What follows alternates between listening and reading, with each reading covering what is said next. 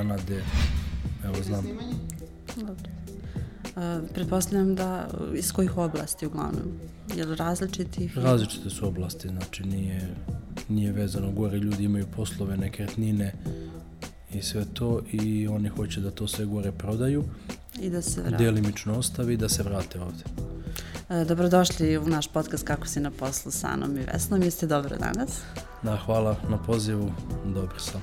E, mi imamo za cilj da e, pričamo o tome koliko je važno da smo dobro i dok dobro radimo svoj posao, kako da nađemo balans i trudimo se da kroz savete i sa našim sagovornicima i kroz primere e, damo konkretne savete kako da nađete, nađete neki balans. E sada, Milomir Ćurčić, koji je naš današnji gost, je bio najbolji u svom poslu u sportskoj karijeri na Balkanu. Tada još kao najbolji mladi menadžer u, u sportskom svetu. Danas je on preduzetnik i uh, pričamo o tome koliko je važno uh, u nekom trenutku karijere napraviti presek i reći da li mi ovo odgovara ili ne, probati nešto drugo. On je čovjek koji je proputovao pola sveta i radio u različitim industrijama i pričat će nam o tome kakav je jedan svet, a kakav je drugi svet. E sada, hajte malo prvo da nam ispričate o toj sportskoj karijeri. Šta se tu dešavalo, šta ste vi tada radili pre, evo koliko već ima godina u tada? Pa tada ima nekih e, sad već možda 4 do 5 godina. Otprilike, znači, bio sam profesionalni futbaler i negdje karijera u nekih 25-6 godina nije išla nekim svojim tokom koji bih trebala da ide. Vi ste se povrijedili, ako se ne Tako varam. je, da, imao sam jednu povredu, drugu povredu, e, to su već bile pauze od nekih sve vezano godinu dana, poravak, e, opet da se vratim i negde sam uz savet svog prijatelja Borha Krunića iz Londona, koji je jedan od naših, nije jedan, nego naš prvi menadžer koji je postojao u sportu, 70. i neke godine je ovaj, krenuo da radi, inače bio i novinar u Engleskoj i dan dana živi tamo. Negde na njegov nagovor i savet sam počeo da radim sa njim kao agent. Prosto je to bilo znači, negde spontano, on me posavjetovao da, pošto ne ide sve kako bi trebalo, negde u nekom trenutku treba preseći i okrenuti se nekoj drugoj stvari, vidjeti neku drugu budućnost, jer karijera profesionalnog sportista je jako kratka. Traje do 30, 32, eventualno 35 godina. Dakle, vi morate unapred da mislite o nečemu da će... Jer... Mora da se misli unapred, Jer ako ste ceo život u, u futbalu i završite futbal sa 35 godina, a pritom niste ništa naučili da radite, niste ušli u neki posao, 35 godina su već ozbiljne godine gde ste vi prošli neki per, period i odrastanja i sazrevanja, a niste napravili ništa u futbalu, da kažemo, značajno, a po mom sadašnjem iskustvu, koje mogu da kažem da je jako veliko i bogato, jako mali broj ljudi je to uspelo da uradi do 35. godine, da sebi obezbedi neku sigurnu egzistenciju, siguran posao, siguran nastavak života. Obično to bude dok igraju sve to je lepo, sjajno i bajno. Kad prestanu da igraju, onda se to, da kažem, gasi u roku od godinu, dve, maksimalno tri se zalihe istope, niko vas ne zna, ne znate ništa da radite, i vi negde dolazite na rub egzistencije gde su nažalost danas mnogi sportisti koje ja poznajem, a i koje ne poznajem lično, prosto znam da je situacija jako teška. A kakav je to inače biznis? Kakav je sport biznis? Može, mi ovako kad gledamo sa strane, stvarno pomislimo, nama to i deluje da je sjajno, da... A to samo izgleda po televizijskim eh, na malim ekranima i televizijskom programu izgleda da je to sjajno i bajno to je daleko od toga. Samo je tako predstavljeno jer oko futbala i tog biznisa sportskog je jako dobar marketing gde su sve, sve e, sfere životne i poslovne, svetske su povezane u futbalu. Znači ja mogu reći da je meni futbal u životu mnogo dao. Mnoga poznanstva, mnoge poslove, nevezane za futbal sam upozno i stekao kroz futbal. Znači sa 26 godina sam počeo da radim, prosto nisam znao u šta ulazim. Znači čoveka sam poznavao, verovao, sam mu ispostavilo se kao ispravan potez. E, njegov savet i dan danas mogu da mu se samo zahvalim što mi je dao i uputio me na pravi put. Dao mi je da kažem tu podršku i dao mi je taj savjet koga sam se pridržavao, koji mi je na kraju doneo mnogo toga. A njegove reči su bile da krenem sa 26 godina, da moja generacija, malo stari, malo mlađi od mene, još igraju i da oni će da svi završe negde od 32. do 35. i oni neće znati u životu u kojem pravcu krenuti. Ja ću do tih godina već imati sve složeno u svom životu i već razvijen ceo svoj biznis. I on je bio potpunosti u pravu. Da, i sada smo ja svedoci, sam... ja znam da, da ste vi danas uspešan preduzetnik i da, da, da ste, e, ne samo da radite za sebe, nego znam i da, da ste pravili mnoge biznis planovi za neke druge, druge stvari, druge, druge ljude, ali e, kada ste bili u tom periodu, zanima me samo koliko je to stresan posao. Ja, na primjer, sada kada razgovaram sa vama, znam vas i od ranije, e, prilično mirno govorite i vas je lepo slušati. Nikada ne bih rekla da ste vi prolazili kroz, kroz neke faze, suočavali se baš sa nekim ozbiljnim turbulencijama u životu jednog, jednog profesionalnog sportiste i jednog preduzetnika. Kako, koliko je tu stresa bilo u tom periodu? Pa vidite, moram reći da je, da je bilo puno stresa, znači ulazite u nešto što je nepoznato, nešto što ne znate, sa čim niste upoznati, a ponovo težite prema nečemu da to dovedete do nekog savršenstva. Imate uspona i padova, jaku konkurenciju, i negde prva moja pomisa je bila da taj svoj posao i znanje dovedem do perfekcije. I da kažem, najveća težina tvog posla je što ne zavisi sve do vas. Znači ima mnogo faktora spoljnih koji utiču na, na ostvarivanje tog posla, na koji vi direktno nikako ne možete uh, uticati i to je ogroman stres. Iščekivanje, šta će se desiti, imao sam takvih situacija da da bi stvarno moglo film da se snimi o tome, znači i kako su neke stvari završene, a kako neke nisu. A znači- šta je bio taj prelomni trenutak kada vi odlučujete, dobro malo pre ste mi rekli, jedan od tih glavnih motivatora je bilo to da prosto morate da razmišljate unapred, ali koji je to prelomni trenutak kada vi odlučujete da krenete u preduzetničke vode? Pa prelomni trenutak je bio tada gde sam ja osetio da ja nikada ne mogu kao profesionalni sportista doći na onaj nivo koji sam ja to želeo. I onaj nivo koji će meni, da kažem, doneti posle te karijere neku spokojnost. Što znači da sam sebe morao da usavršim u nekom drugom ovaj smislu, da sebe obučim, da naučim poslove da radim, da bih bio sposoban za život posle karijere. Znači to sam mogu reći uspeo da uradim i ja mislim da sam već sa 31 ili dve godine bio neko ko je napravio ubedljivo najviše posla i radio sa najvećim ljudima današnjice koji rade u futbalu. Znači čak sam mnogo posla završavao koji uopšte nije bio vezan sa Srbijom, a to je bilo i u bivšem Sovjetskom savezu i u Španiji i u Belgiji gde sam bio, gde sam strance završavao u strane klubove, što da kažem nije baš toliko svojstveno ljudima koji ne žive u toj državi, ovaj, a da rade iz te neke države. I razvio sam tako dobre kontakte, ali sam opet težio nečemu da kažem većem. Znači nisam se zadovoljavao da ja budem samo taj neki futbalski agent koji će zavisiti od dobre volje igrača ili od dobre volje kluba, da li će oni to da realizuju. Pa sam u jednom trenutku radio za par klubova gde sam bio njihov, da kažem, spoljni skaut koji je analizirao neke utakmice i slao izveštaje, jer prosto sam i to želeo, jer sam hteo da naučim taj posao do perfekcije, da mogu da prepoznam, da kažem, svaku svaku tačku šta može da se predvidi, šta može da se desi, gde može da bude, koliko to može da napreduje i da ode daleko i glavna stvar u tom poslu je i da kažem najveći uspeh ljudi koji su napravili je onaj ko može da prepozna godinu, dve dana ranije gde taj igrač može i koji nivo može da dostigne.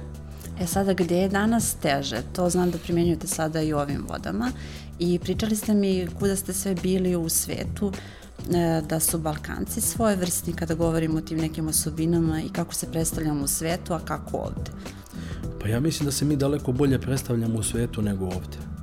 Mi ovde jako malo cenimo sebe, a mislim da vredimo mnogo više nego što sebe, sebe cenimo. U svetu smo jako dobro kotirani i pozicionirani. Iskreno da vam budem, znači ne znam zemlju u kojoj sam bio, bio sam mnogo zemalja sveta, da ne postoji u toj zemlji jedan Srbin ili da kažemo Hrvat ili Balkanac ili Bosanac koji nije jako uspešan u toj zemlji. A kako znači, je boriti se sa svim tim, to su i kulturološki šokovi i različite, različite... Naša, naša prednost je da li je to što, su naš, što je naš život naterao da, da mi se jako brzo prilagodimo svim tim ovaj, i kulturološkim i, i, i ovaj, prosto podneblju na koje dođemo, da biste mogli da završavate da radite neke poslove, vi morate razmišljati kao što ti ljudi razmišljaju. Da bi mogli da se uklopite, integrišete u taj svet, da biste mogli što da budete uspešni, što brže da, da prođe jako malo vremena, e, morate se jako brzo integrisati. E, to je naša najveća sposobnost ljudi sa Balkana da ode bilo gde u svetu i da bukvalno u 2, 3, 4 meseca se oni prilagodi da rade kao da tu žive godinama. Nisam upoznao ni jednu drugu naciju koja je to sposobna da uradi. Znači, radio sam sa Špancima koji van Španije ne mogu da rade. Radio sam sa da kažemo, ajde i Rusima i tim zemljama SSR-a, pošto ajde da kažem ja ih tako da. globalizujem, radio sam sa svima, jako teško, oni su gde god da dođu, oni se ponašaju odnose se kao da su u svojoj zemlji, ne mogu da se prilagode.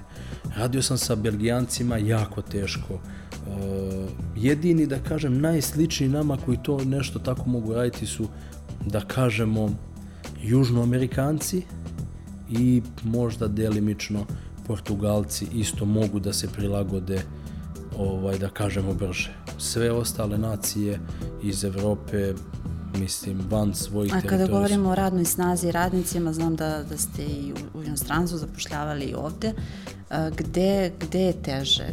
Ka, gde je teže komunicirati sa, sa radnom snagom?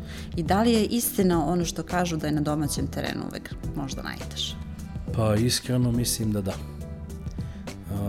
izgubili smo negde tu profesionalnost u poslu koju nas je ranije krasla i zašto smo svuda bili poželjni.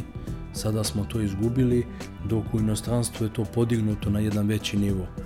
Znači, vi kada odete negdje i postavite neke ciljevi, zahteve, radnik koji je došao da to radi, on se trudi da profesionalno uradi svoj deo posla uh, koji mu je određen. Da li će ga uraditi malo bolje ili malo lošije, to je na meni da ja to trebam da sugerišem, unapredim, uh, podstaknem, ali će se on truditi da u svojoj oblasti da svoj maksimum koji može. Ovde to nije slučaj, znači ovde ćete imati radnika koji će doći da radi na jednom određenom poslu, a pritom će on raditi 300 drugih poslova i 300 drugih znanja koje uopšte nemaju nikakve veze sa njim, a samo neću raditi ono što treba. Da, da, to, to, to, to mi je jasno i mnogi poslodavci se upravo i žale na to. A kada vi lično poredite te dve industrije, tu sportsku i ovu preduzetničku, gde je vama teže? Šta biste vi savjetovali nekome ko dođe kod vas i kaže da li da idem u ove vode ili u ove vode? Pa vidite, jako teško pitanje sa vaše strane. Znači, i jedna i druga strana su jako teške, pogotovo uh, u sferama početka. U sportu je bilo početak, posle toga kad sam ušao u te vode, to je, da kažem, bilo dosta, dosta lakše.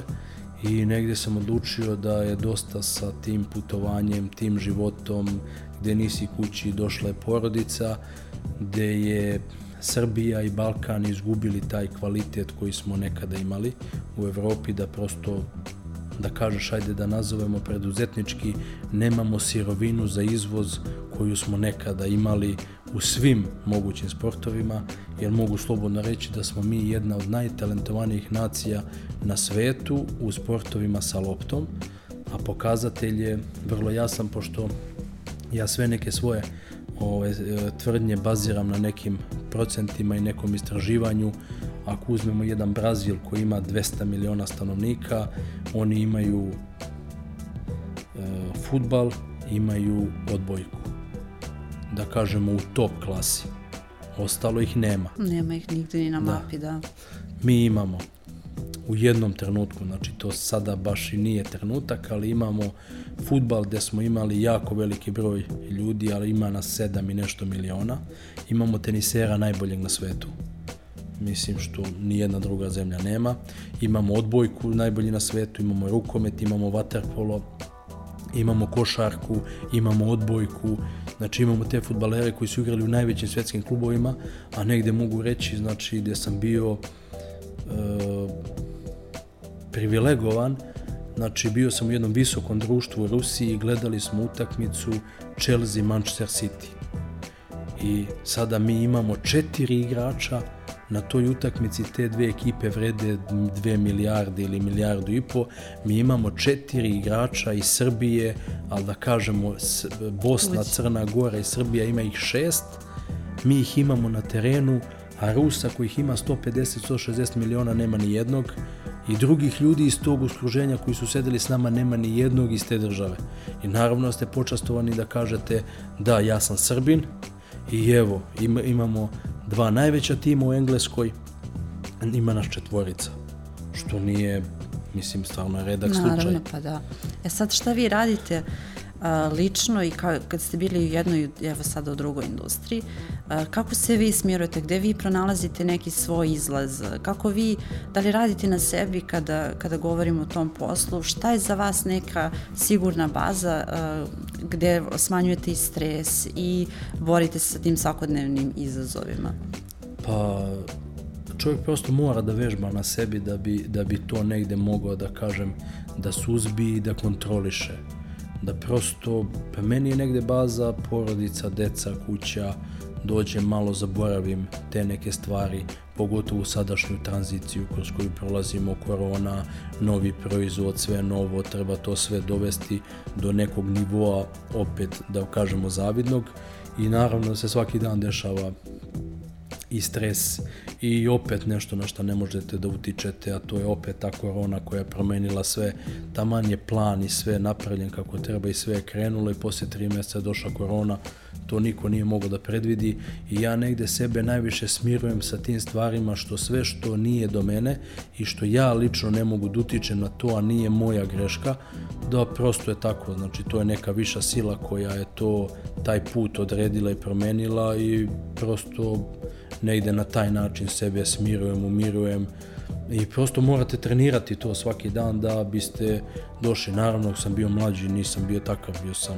eksplozivan, nervozan, zašto to ne ide kako treba, a kako godine prolaze, sve više i više se smirujem, da kažem da to sve ulazi u neki tok, mogu da kontrolišem neke stvari. Jer čovjek kad je pod pritiskom i kad je nervozan u stresu, on ne može da kontroliše i da vodi stvari. I onda mu stvari izmiču, izmiču u kontroli i onda je još veći problem nego što je problem trenutni.